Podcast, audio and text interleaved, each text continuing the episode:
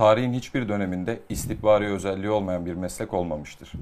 Nitekim bugün tarih masasında masaya yatıracağımız konu modern Osmanlı tıbbı, Osmanlı tıbbının gelişimi ve burada Doktor Bernard'ın rolü, Doktor Bernard'ın e, Osmanlı topraklarındaki serüveninden bahsedeceğiz. Buradaki tıbba etkisinden bahsedeceğiz. Hocam merhabalar. Merhabalar. Nasılsınız hocam? İyi misiniz? Teşekkür ederim. Sizler de iyisiniz. İyiyiz hocam. Hocam neden Doktor Bernard'dan bahsediyoruz? Neden Doktor Bernard dedik? Evet şimdi e, ben daha önce de Gülfem Hatun programında da böyle yapmıştık. Hı hı. E, herkesin merak ettiği değil, hiç kimsenin merak etmediği. Çünkü ilgilisinin dışında kimsenin e, pek bilmediği, tanımadığı bir konu.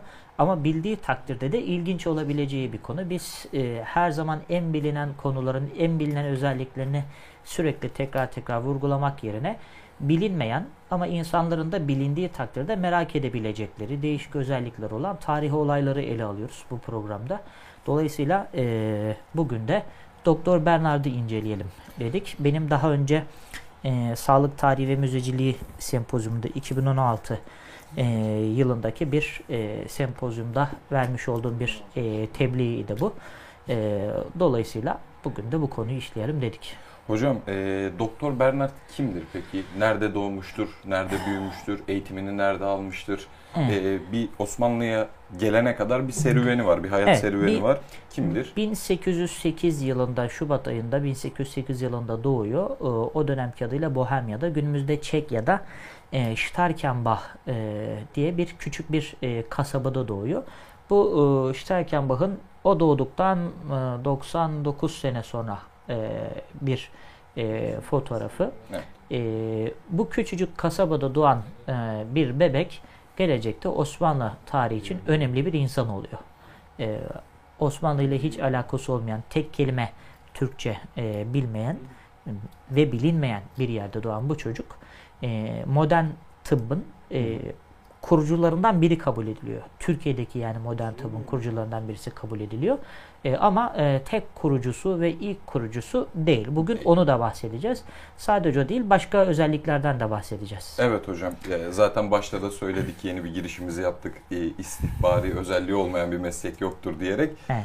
Onu saklayayım sona. Doktor Bernard'dan devam edelim. E, eğitim süreci nasıl? Nerede eğitim görüyor? Yani tıp eğitimini anladığımız kadarıyla işte Çekya'da, Avusturya'da e, Evet. o bölgelerde alıyor. Yani O o, dönem dönemde tabii- bir Osmanlı'ya seyahati yok. Evet, Avusturya Macaristan İmparatorluğu sınırı e, sınırları içerisinde e, liseyi Saas'da okuyor. E, üniversite eğitimini Prag Üniversitesi'nde Fransızca ve felsefe üzerine alıyor. Onun e, üzerine ise Josephinum Akademisi'ne akademisi var. Josephinum Akademisi'ni e, bitirip iki yıl orada e, tıbbi ve cerrahi eğitim görüyor. Daha sonra 5 yıllık e, bir askeri hastane tecrübeleri var. Tabii o dönemdeki tıp e, Türkiye'ye geldiğinde de böyle olacak zaten. Askeri tıp. Yani tıp dediğimiz şey o sivil dar Osmanlı'da mesela Osmanlı'da ondan da belki bahsederiz. Daru şifalar var. Fakat bu modern anlamda gelen tıp askeri e, meslekli bir. Çünkü savaşlardaki yaralanmalara karşı e, ortaya çıkan bir şey. Askeri. Evet daha sonra e, mülki tıpta yani sivil tıpta ortaya çıkıyor. E, peki hocam Doktor Bernard gelmeden önce e, Osmanlı'da tıp yok muydu? Yani Osmanlı'da bir e, hadi modern tıp demeyelim de bir tıbbi faaliyetler vardı Osmanlı'da. Tabii yani o şifa bulma e, yani bu Anadolu'da ta e, bir iki birkaç bin yıl önce nasıl asklepiyumlar var. Bunlar da o dönemin şifahaneleri bir nevi. Bir nevi Osmanlı'da da darü şifalar var. Evet. Yani hasta olan insanların şifa aradığı e, yerler bunlar. Burada da pek çok hastalığa çeşitli e, tedavi yöntemleri uygulanıyor. Hatta e, hani ruh hastalıklarına müzik ve makamlarla tedaviye kadar e, değişik e, yöntemler deneniyor ve uygulanıyor. E, burada bizim kastettiğimiz şey Batı merkezde modern tıp Evet. dediğimiz şey. Yani e, gelmeden önce de modern tıp var. Yani mesela e, 3. Selim'in Evet e, hocam. döneminde İlk gelen e, modern tıp ilk Bernard'la mı geliyor? Evet, Doktor yok, Bernard. yok. E, Doktor e, Biconi yanlış hatırlamıyorsam ve Doktor Ralli diye iki tane e, doktor mesela 3. Selim döneminde İtalya'dan buraya gelmişler. Dolayısıyla bunlar da e, hani 1808'den önce oluyor bu. 1890-95'ler falan olması lazım. Dolayısıyla o modern hekimlerin gelişi 1400 1827 14 Mart 1827 değil. Ondan daha önce de modern hekimler geliyor. 1700'lü yılların sonunda da geliyorlar. Evet 1700'lü yılların sonunda da e, batıdan e, gelen hekimler var. E, dolayısıyla e, bir hani e, yine bir çeşit tıphane veya işte cerrahhane belki denilebilir. Tersane-i amire içerisinde bir e, böyle bir hatta mektep de e, oluşturuluyor. Burada İtalyanca e, eğitim de e, veriliyor. Dok- gelen doktorlar İtalyan olduğu için. Bunlar tabi muhtemelen çeviri faaliyetleriyle birlikte e, yapılan bir tıp eğitimi. Çeviri faaliyetleri dedik hocam. Şimdi Doktor Bernard'ın bir e, aldığı eğitim var. Fransızca eğitim alıyor. E, Osmanlı'da da yine tıp var diyoruz. E, tıbbi faaliyetler yürütülüyor. Peki buradaki eğitim dillerine Ya, e, Ve Latince onu da söyleyeyim. Evet. Yani terimler e, Fransızca'da gerçi Latince kökenli Latince'nin türevi olan bir dil. E, fakat Latince eğitim eğitimi de alıyorlar. E, zaten Avrupa'da 1950'lere kadar falan e, pek çok e, Latince doktora tezi var. Yani dil ölü olsa da hiç kimsenin konuştuğu bir dil olmasa da Latince e, hala Latince dilinde doktora tezleri yazılıyor. Bu eğitimi de almak zorundalar. Çünkü tıbbın en temel e, teknik terimleri, terminoloji Latince üzerinden e, şekillenmiş. Bugün hala öyle. E, dolayısıyla fakat e, daha modern çalışmalar yine Fransızca üzerinden şekillendiği için Fransızca eğitim oluyor. Zaten o İtalyanca olan eğitim dili de daha sonra Fransızcaya çevrilecek. Evet hocam. Peki şimdi Doktor Bernard böyle araştırıp bulunulması gereken bir adam Osmanlı için. Yani e, bir doktor getireceğiz Kendisi biz. değil. Evet Aynen, tabii. kendisinin- Kendi tebaasından değil. Evet.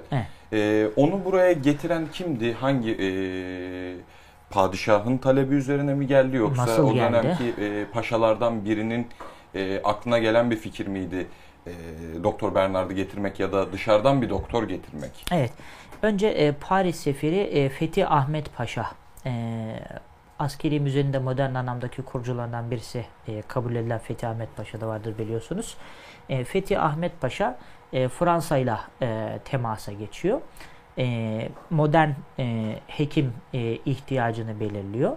E, Prens Metternich ile e, bir temasa geçiyorlar. Mektuplaşma oluyor daha doğrusu. Avusturya e, da bulunan Prens Metternich'le ve e, Avusturya'daki Prens Metternich de tamam buna biz e, yardımcı olmaya çalışırız diyor. E, daha sonra devreye e, Sadık e, Rifat Bey giriyor. Daha sonra paşa olacak Sadık Rifat Paşa. E, onunla birlikte bir e, temas kuruyorlar. Sadık Rifat Paşa e, hariciye müsteşarı Baron von Ottenfels var. Baron von Otel, Ottenfels'in e, doktoru Doktor Yakştal ile bir Hı hı. irtibat kuruyor ve ondan diyor ki bize böyle böyle modern anlamda e, daha da kendimizi geliştirmek istiyoruz. E, Avrupa'da eğitim görmüş doktora ihtiyacımız var. Bunu karşılar, mısın, karşılar mısınız diyor. Ve e, Ottenfels'in e, bu bahsetmiş olduğumuz doktoru Doktor Yakştal e, ona e, bazı hekimler öneriyor. Fakat e, Sadık Rıfat Paşa bu hekimleri bir e, sınava tabi tutuyor. Şimdi bu da enteresan bir konu. Yani nasıl kendisi doktor değil, hekim Evet. değil. E, bunu nasıl yaptı? Ben e, şöyle bir ihtimal olabileceğini düşünüyorum. Viyana'da bulunan belki başka e, sefarethanelerdeki Avusturyalı olmayan ülkelerin hekimlerinden belki bir destek alarak bir sınava tabi tutma olabilir veya eldeki belki hani yetişmiş adamların en iyisi hangisi ise onlara uzmanlık alanları ile ilgili bir e, sınava tabi tutmuş olabilir. E, bu ilk sınavdan sonra bazı e, şeyleri doktorları beğenmiyorlar. Diyorlar ki ya bunlar çok tecrübesiz. Bunun üzerine doktor Yakştar diyor ki e, iki tane e, hekim var. Bu iki hekimi öneriyorum. Bir de bir e, eczacı var. E, hekimler Doktor Neuner ve Doktor Bernard.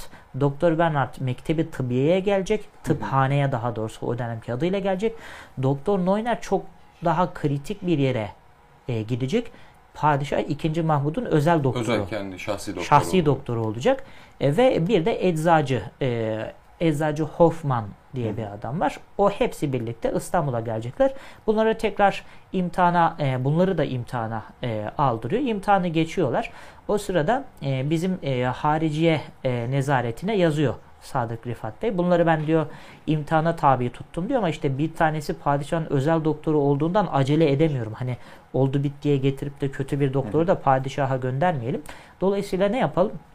Bir kere daha imtihana e, tabi tutalım diyorlar. İmtihana tabi tuttukları zaman bakıyorlar ki bunlar hem tıp hem e, cerrahi biliyorlar. Yani teori, e, pratik e, bakımdan tecrübeleri var. Zaten e, beşer yıl tecrübeleri de var askeri hastanelerde hekim olarak, askeri hekim olarak görev alıyorlar. Ve bunun sonunda e, bizim e, Osmanlı e, tarafındakilere e, gönderiyor İstanbul tarafına. E, bunların e, gönderilme iznini çıkartıyor. Belli miktarda bir işte ödenek harcırah e, bunlara veriliyor. Doktor Neuner, Doktor Bernard ve Eczacı Hoffman e, hepsi birlikte e, yola çıkıyorlar ve İstanbul'a geliş hikayesi 1838'in Kasım ayı civarında e, yaklaşık olarak başlıyor ve Kasım ayında İstanbul'a ulaşıyor. Peki hocam e, bizim burada odaklanacağımız karakterlerin başında e, bu üç doktor arasında e, Doktor Bernard. Daha çok evet Doktor Bernard var. peki Doktor Bernard birisi doktorlardan Doktor Neuner Hı hı. Padişah 2. Mahmut'un özel şahsi doktoru Evet. olacak. Peki Doktor Bernard ne yapacak burada? Yani bizim tıphanede Hı e, hı. sonra adı değişecek ama Hı hı, tıphanede hı hı. doktorları mı eğitecek, Osmanlı tıbbiyelilerini mi eğitecek yoksa başka görevleri mi olacak? E, ilk işi ne olacak yani Şimdi burada? e, öncelikle şöyle e, ilk işi e, mektebi tıbbiyeye gelerek tıphaneye e, gelerek e, buradaki derslere katkıda bulunmak, e, teorik, e, pratik eğitimler vermek olacak ve aslında devlet şöyle bir şey deniyor. Buradan hekim getirelim ve buradaki müktesebatı Türkçe'ye çevirelim. Yani Fransızca görecekler bu dersi. Evet öğrenciler Fransızca öğrenecekler. Fakat bunları daha sonra Türkçe'ye çevirmeye başladıktan sonra bir hani e, literatüre de artık hakim olmaya başlayacağız. Evet. Aslında böyle bir e, ara misyon da var anlaşıldığı kadarıyla. E, ve e, hani bu gibi gerekçelerle işin doğrusu e, geliyor. Ve gelirken de tabii e, güzel bir yol parası da e, oluyor. Güzel de karşılanarak hocam, geliyor. Lojman var mı? Tabii lojman da veriyorlar. Kalacak yer veriyorlar herhalde. Kalacak yer de veriyorlar. E, bugünkü e, Galatasaray Lisesi'nin e, bulunduğu yerde Galatasaray'ında bir e, konutu ona e, lojman olarak tahsis ediyorlar. Lojmanla birlikte gidiyor. Çünkü yurt dışından get- bu aynı bugün de böyledir biliyorsunuz. Evet. Yurt dışından bir futbolcu getirdiğiniz zaman hemen ona bir işte ev bakıyorsunuz, ayarlıyorsunuz. Çünkü acil ihtiyaçlardan bir tanesi. O dönemde de böyle nadir bir e, görev olduğu için e, tabii ki lojman da ayarlanıyor. Peki hocam Doktor Bernard bu e, tıphanede eğitim verecek. E, mektebi tıbbiyede sonraki Evet. adıyla. E, peki orada hiyerarşik durumu ne olacak? Yani hiyerarşide birinci sırada mı olacak? E, çünkü bildiğimiz kadarıyla e, Leipzig'te yayınlanan bir dergide hiyerarşide birinci sırada olmadığına dair e, Evet. bir yazı yayınlanmıştı. Evet, bunu Ee, e, Profesör merhum Arslan Terzioğlu e, yayınlamıştı. E, orada Doktor Bernard dördüncü sırada e, gösteriliyor. Yani ondan önce Abdülhak e, Molla var, Hekimbaşı var, Mektep Müdürü, Ders Nazırı falan var. Doktor Neuner dördüncü sırada e, gözüküyor. Yani hani geldi mektebin bir numarası olarak mektebin başına geçti, hekimbaşı oldu, e, bütün e, her şey onun emrine verildi diye bir durum söz konusu değil. E, dolayısıyla e, zaten başka zaten belgelerden de e, bunu görüyoruz. Mesela Doktor Minas e, salgın hastalıklarla alakalı bir e, komisyonun başkanı Doktor Minas e, diyor ki e, Doktor Bernard'ı öneriyor mesela komisyon azalığına, komisyon üyeliğine getirilmesi için gibi. Dolayısıyla burada birinci e, kişi olmadığını e, pek çok belgeden anlayabiliyoruz. Peki hocam bunlar galiba e, gelen doktorlar, Doktor Neuner, Doktor Bernard. E, bunlar bir nişan da alıyorlar galiba, devlet nişanı Evet, da alıyorlar. nişanı alişan e, denilen e, nişan alıyorlar. 1838-39 eğitim öğretim döneminde olması gerekiyor. E, bu bütün öğrencilere nişan e, tevcih ediliyor mektebi e, tıbbiyede. E, bugünkü Galatasaray'ı bunun üzerine düzenleniyor. Tabi doktor Bernard gelir gelmez diyor ki önce e, hani bina ihtiyacımızı e, acil elden halledelim. Hemen Galatasaray Lisesi e, buna göre düzenleniyor. O dönemki adıyla Galata e, Sarayı. Sarayı.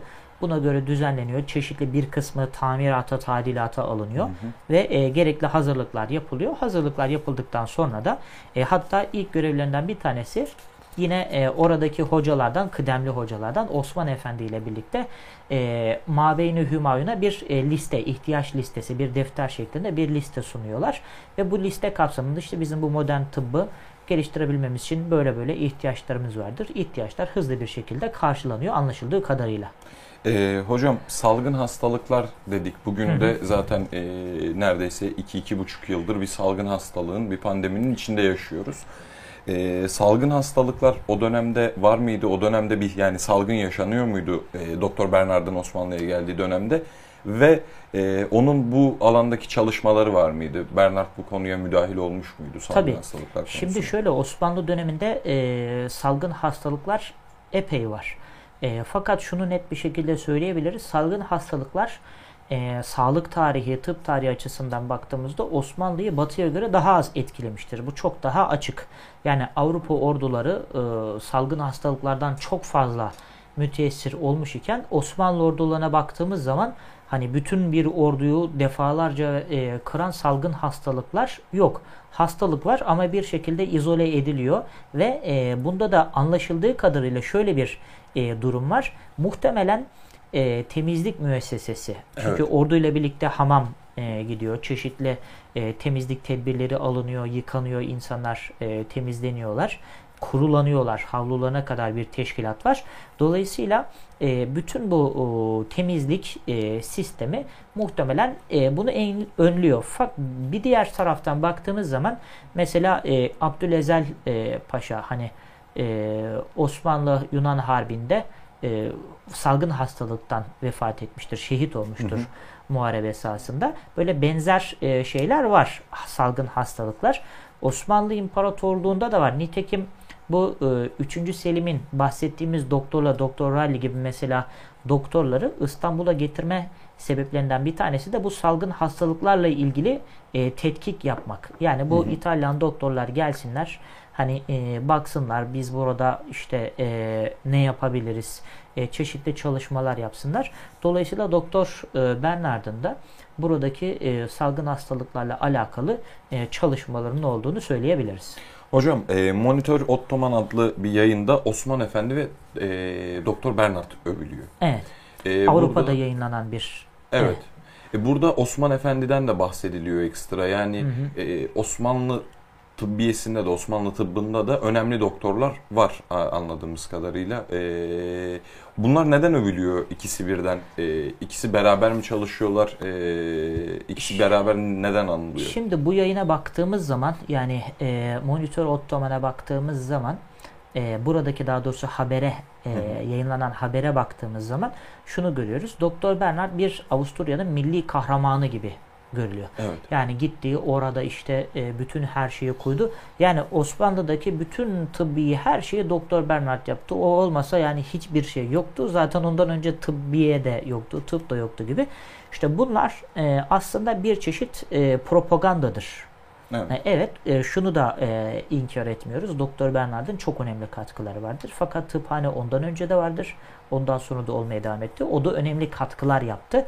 E, burada e, ben genellikle hep e, şöyle yaklaşıyorum. E, bizde maalesef e, bizim tarihçiliğimizde batı merkezli tarih yaklaşımından kaynaklanan e, bazı problemler var. İstanbul'un fethinde olduğu gibi.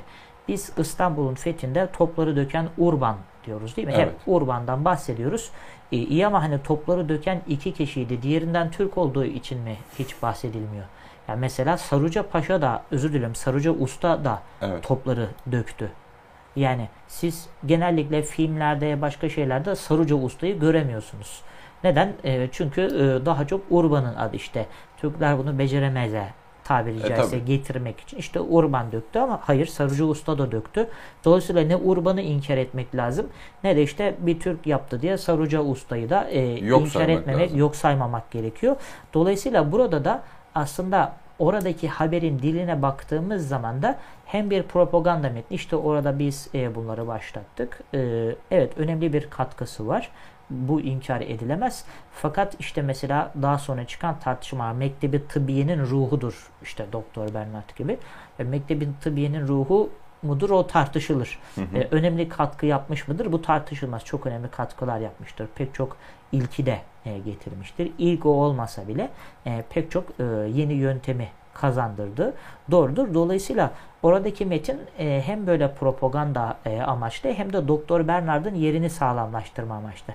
Yani sadece Doktor Bernard'ı övmüyor. Mektepte Doktor Bernard'dan bir üst kademede gelen Osman Efendi'yi de mesela övüyorlar. övgü dolu ifadeler var. Şimdi Batılılar e, övüyorsa eğer bir durup bir düşünmek lazım. Niye? E, hani bu neden övüyorlar? Mesela şu sebeple olabilir mi? E, şimdi biz dok- e, Osman Efendi'yi yersek, Doktor Bernard'ı da övsek, e, Biraz tatsız bir durum olabilir Evet, yani bu- oraya bir bu sarılma gibi bir durum. Doktor. Bernard'ın oradaki devamlılığını sağlamak açısından bir sorun teşkil eder. Doktor Bernard neden orada devam etmeli? Çünkü sadece tıbbi faaliyet yapmayacak. Aynı zamanda istihbari faaliyet de yapacak. O yüzden Doktor Bernard orada kalmalı ve payitahttan çok önemli haberleri çok hızlı bir şekilde Avusturya sefaretine bildirmeli. bildirmeli. Ee, oraya geleceğim hocam. Şimdi e, 14 Mayıs 1839'da Padişah II. Mahmut'un e, tıphane ziyareti var. Evet. Bu ziyaret neden önemli hocam? Şimdi e, bu padişahın mektebe gösterdiği teveccüh e, bakımından birincisi önemli. E, çünkü demin dediğimiz gibi işte serasker geliyor. O e, monitör Ottoman'da övüyorlar. Hı hı. Bu adamlar işte çok iyi işler yapıyorlar. Serasker de geldi zaten ziyaret etti. E, padişah geldi. Serasker dediğimiz o dönemin genelkurmay başkanı gibi düşünebiliriz. Yani ordunun kara ordusunun başındaki kişi. Deniz e, birliklerinin donanmanın başında da kaptanı Kaptan Derya. Derya var. Dolayısıyla e, padişahın e, mektebe ziyaretinin bazı e, sonuçları oluyor. Mesela tıphane adı Mektebi Tıbbiyeyi Adliyeyi Şahane. Ertesi Oluyor. gün oluyor değil mi? Yok hocam? o ertesi gün olan başka bir olay. Ertesi Gelir gelmez ismini var. değiştiriyorlar. Mektebi Tıbbiyeyi Adliyeyi Şahane adı yani Tıbbiyeyi Adliye ifadesi maalesef bazı e, tıp akademisyen hocalarımızı yanıltmış. Orada e, adli tıbbın kuruluşu gibi anlamışlar. E, ben bunu burada belirtmiştim bu o, 2016'da Sağlık Tarihi ve Müzeciliği Sempozyumunda. Burada mesela e, Doktor Bernard e, kırmızı işaretle e, belirtilmiş vaziyette. Padişah koçu da yani at arabasının arkasında gidiyor. E, Doktor Bernard da e, orada. E, yukarıdaki yazıda da zaten tıbbiye yazıyor. Mektebi tıbbiyeyi e, tam okuyamıyorum ekran parladığı için şahane olabilir. Burada e, Doktor Bernard'ın ziyaret ettiği, Doktor Bernard'ın da bulunduğu yerde ikinci Mahmut ziyaret edince tartışmalı bir e, şey var. Evet ben de Ee, o konuya gelecektim. Bir ifade var. tartışmalı ifadeler oluyor orada. Bir karışıklık var anladığım o- kadarıyla. orada şöyle oluyor. Yani bu metin gerçekten de padişahın böyle bir nutku oldu mu, böyle bir nutuk e, söyledi mi, söylemedi mi diye. E, Tabi bunu yüzde yüz e, bilemiyoruz ama hani e, iddia edilen şey ne? Şu. Padişah diyor ki e, benim burada siz e, sizden Fransızca eğitim görmenizdeki e, maksadım e, hani Fransız kültürünü öğrenin işte Fransızları sevin diye değil. Yani özetlemek gerekirse ve hani e, daha teatral anlatmak gerekirse belki bu değil. Tam tersine o e, bilim e, ilmi öğrenin ve o öğrendiğiniz şeyi bizim dilimize e, kazandırın. E, çünkü ben e, işte orada meçhulül eşhas ifadesi var. Yani hani e, eşha ya bilinmeyen şahıslar yani ne idüğü belirsiz e, kimselerin Avrupa'dan gelerek e, oraya buraya sokuşturulmalarına e, gönlüm razı değil. O yüzden bu işi siz öğrenin şeklinde e, bir nutuk söylediği iddia ediliyor. Böyle bir iddia var. E, bu o, yani bunu bilerek mi söyledi veya gerçekten söyledi mi? Muhtemelen bunu söylemese bile gerçekte padişaha bunu söyleseniz siz bu, bu sizin ağzınızdan çıkmaya evet ben bunu söylerim derdi muhtemelen. Niye? Çünkü e, her bir gelen şey yabancı aslında, evet. tabii her gelen yabancı bir misyonla geliyor. Yani o misyon e, çok e, çeşitli olabilir. Diplomatik misyonlar var, istihbari misyonlar var.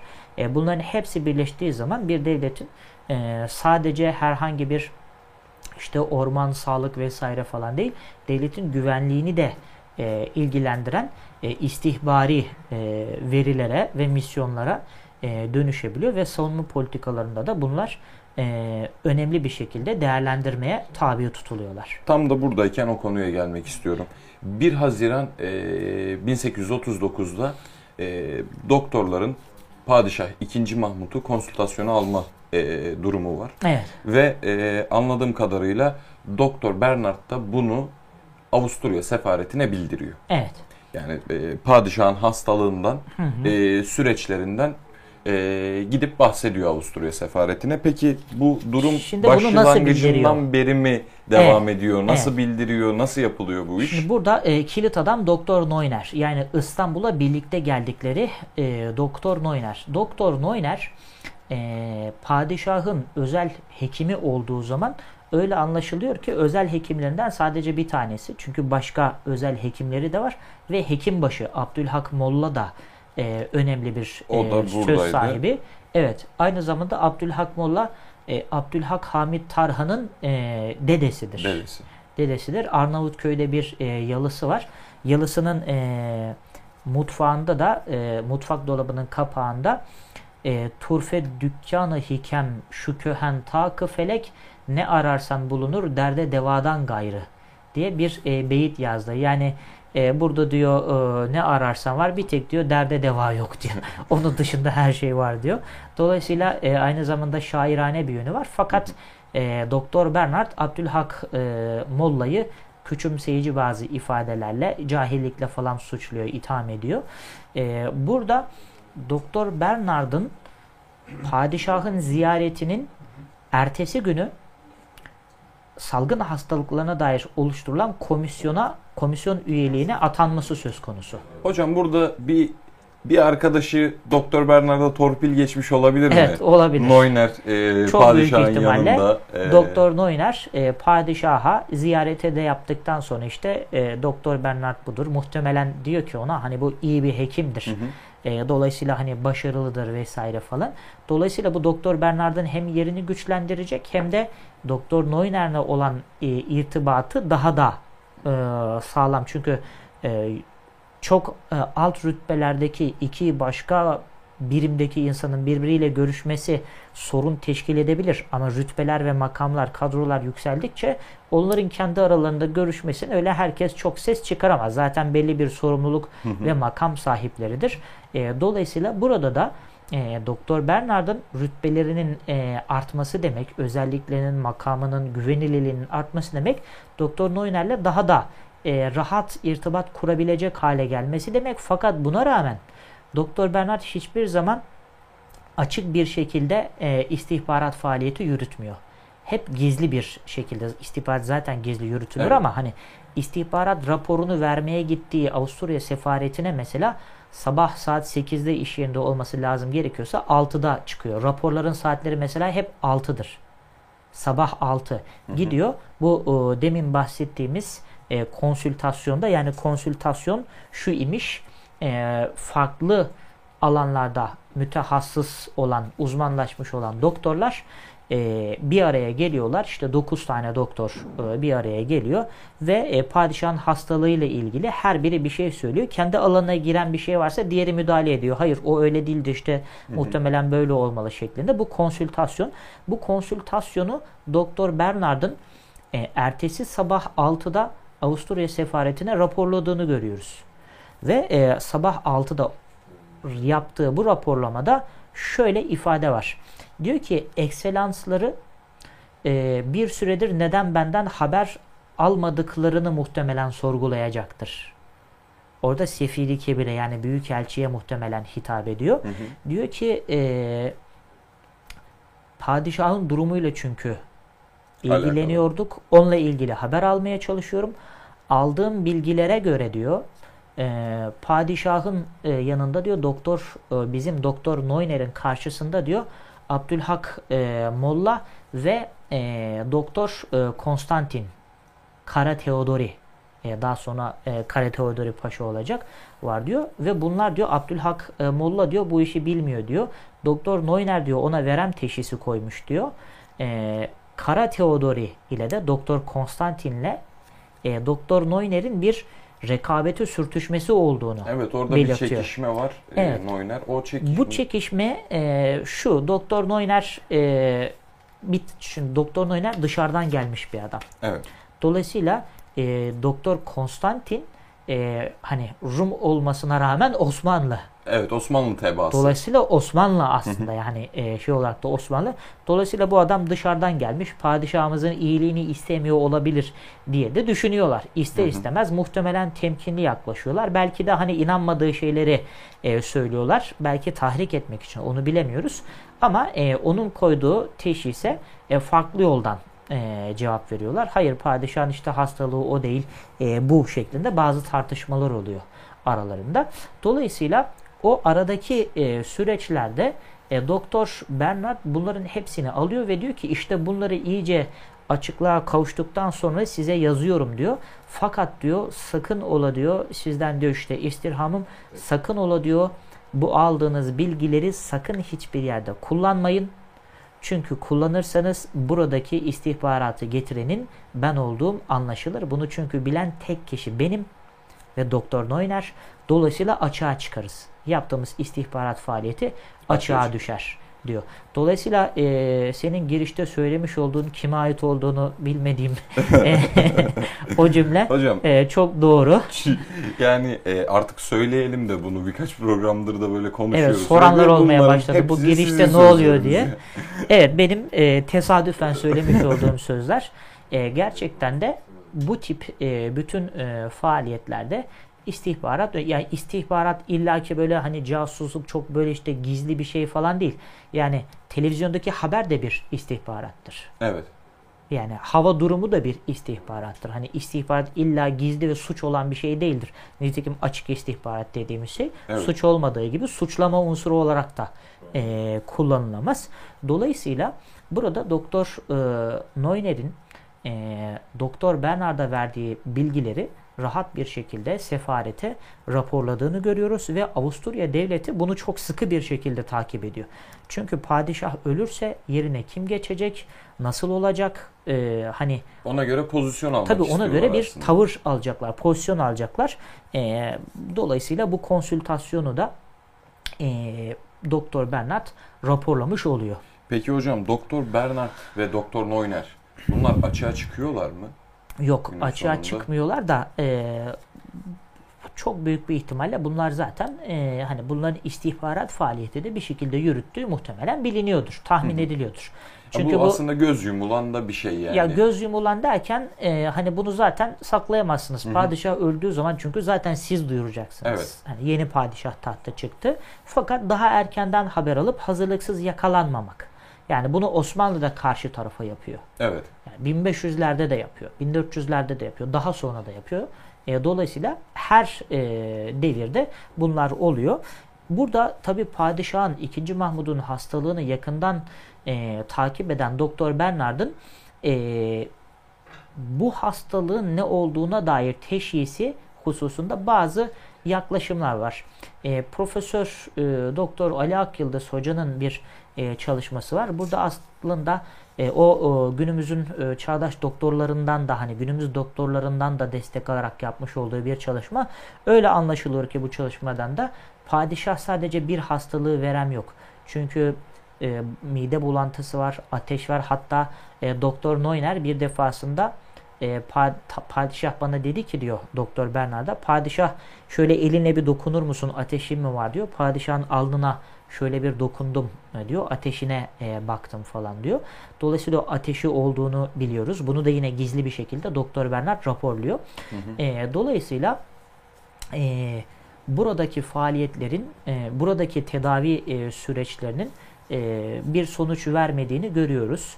E, zaten 2. Mahmut da e, o sırada Çamlıca'da kardeşi Esma Sultan'ın e, köşkünde doktorlar e, cuma selamlığına gidemezsin diyorlar. Yani e, hünkârım gitmezseniz daha iyi olur çünkü durumunuz ağırlaşabilir.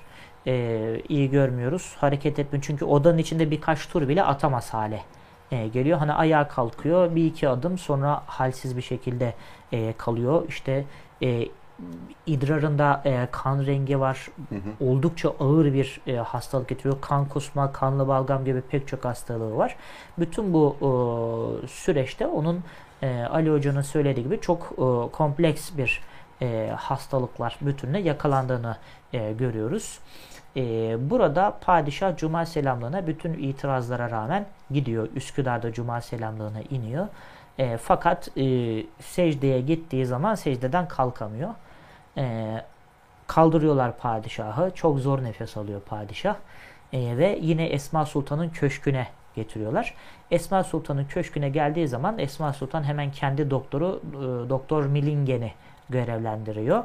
E, fakat kısa bir süre sonra Doktor e, Milingen'in de e, tedavileri cevap vermiyor ve padişah e, Esma Sultan'ın Çamlıca'daki köşkünde vefat ettikten sonra yine Esma Sultan'ın bir e, arazisine defnediliyor. Yani bugün Çemberli Taş'taki 2. Mahmut e, türbesi divan yolundaki e, türbeye orası da Esma Sultan'ın türbesidir. Belki de o sırada Çamlıca'da vefat etmeseydi başka bir yere gömülecekti ama Esma Sultan'ın köşkünde ve- vefat ettiği için yine Esma Sultan'ın e, arazisinde, e, arsasında daha doğrusu oraya daha sonra bir türbe yapılarak e, defnediliyor.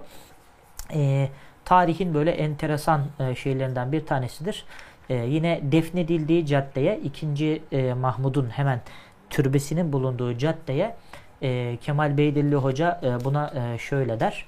E, Yeniçeriler ortadan kaldırıldıktan e, 100 senesi ortadan kaldırıldıktan 100 sene sonra intikamlarını 2. Mahmut'tan acı bir şekilde aldılar ve e, 2. Mahmud'un kaldırdığı Yeniçerilerin adı yattığı türbinin hemen yanı başındaki caddeye verildi. Böylesine de acı bir intikam. Tabi o Yeniçeri artık o eski Yeniçeri değil. E, fakat e, 2. Mahmud'un da böylelikle e, hayatı sona ermiş oluyor. Ve bütün bunları da biz 2. Mahmud'un hastalığıyla ilgili pek çok detayı da Doktor Bernard'ın yapmış olduğu bu istihbari faaliyetler e, ile öğrenmiş oluyoruz. Ee, hocam aslında bir e, meslek grubu başta dediğimiz gibi istihbari faaliyetlerden bağımsız düşünemez. Tarih boyunca e, Tarihteki diyoruz biz ona. Evet. böyle olmuş. Ee, Doktor Bernard, Doktor Neuner de Osmanlı tıbbı açısından, Osmanlı'da modern tıbbın gelişmesi açısından önemli iki karakter oldular da Evet. diyebiliriz. Evet öyle de diyebiliriz. Bu e, tabi e, Doktor Bernard'ın başka yaptığı önemli birkaç faaliyet de var. Onu da söyleyelim. İki tane rapor yazıyor Mektebi Tıbbiye ile alakalı. E, kendisi 38 yaşında 1808 evet 38 yaşında Türkiye'ye gelip 44 yaşında 6 sene Türkiye'de görev yapıyor ve 6 senenin sonunda e, hayatını kaybediyor. E, kaybettiği zaman geride bazı dört tane tıp kitabı e, yazıyor. Bir tanesi tam tıp kitabı belki sayılamaz. E, ilk Bursa rehberi sayılabilir. Sende Bursa bir rehberi, evet sende evet. bir Bursa kaplıcaları adlı Le Bagno diye bir e, kitap yazıyor. E, Bursa'daki kaplıcaları anlattığı bir kitap ve onun tıbbi tahlili aynı zamanda kitabın bir kısmı da Bursa'daki tarihi eserlerle ilgili. Dolayısıyla Bursa'nın ilk rehberi der rahmetli Semavi Eyici Hoca e, bu kitap için. E, ve öldüğü zaman da e, bugün Beyoğlu'nda bulunan İstiklal Caddesi'ndeki Santa Maria Draperis e, kilisesine defnediliyor. Onun da e, bir fotoğrafı e, var. Evet. E, evet, burada bir bu duvarın içerisinde. Yani Hı hı. ziyaretçilerden, seyircilerimizden gidip izleyecek e, olan olursa aşağıda değil, duvarın içine e, yapılıyor defin. E, öldükten sonra da e, devletin e, yaptığı hizmetlerden dolayı eskiler müteveffa der. Yani bizim e, Türk kültüründe e, Müslüman olan e, hayatını kaybetmiş kişilere merhum, devlete hizmet edip e, Müslüman olmayan kişilere de vefalı gibi bir anlamda Müteveffa. denir. Müteveffa Doktor Bernard'a e, daha sonra ailesine atiyeler yani çeşitli ihsanlarda bulunuyor ve 1808'de bünkü Çekya'da başlayan hayat e, şu anda Taksim'de yatan e, bir e, şekilde sonlanıyor 1844'te. Anladım hocam. Çok teşekkürler. Çok güzel bir sohbet oldu. Ee, Evet, yani bu- tekrardan böyle aktı gitti. Evet. Yine İlk söylediğimiz gibi belki hani ilk konuştuğumuzda Doktor Bernard'ın hayatını anlatacağız. Belki de e, insanların niye dediği ama şimdi Beyoğlu'ndan geçerken oradaki Santa Maria Draperis Kilisesi'ni görünce "Aa, işte burada yatıyormuş. Belki hatta içeri girip bakmak isteyenler olacaktır. E, fakat istihbari anlamda da pek çok faaliyetin olduğu ve devlet meselelerinde olduğu yani bir kişinin etrafındaki o dönemin dünyasını görebildiğimiz çalışmalar. Bundan sonra mesela belki bugüne kadar merak edilmediyse bile bundan sonra bu tip konular merak edilmeye e, başlanabilir. Biz de bu programda ara ara bunu e, yapmak istiyoruz. Evet hocam çok teşekkürler. Çok sağ olun. Ben teşekkür Ee, ederim. Değerli Tarih Masası izleyicileri, bugün Doktor Bernard'dan ve e, Osmanlı tıbbının e, serüveninden bahsettik. E, hepinize çok teşekkür ederiz. Times of Türkiye YouTube kanalına abone olmayı unutmayın. Hoşçakalın.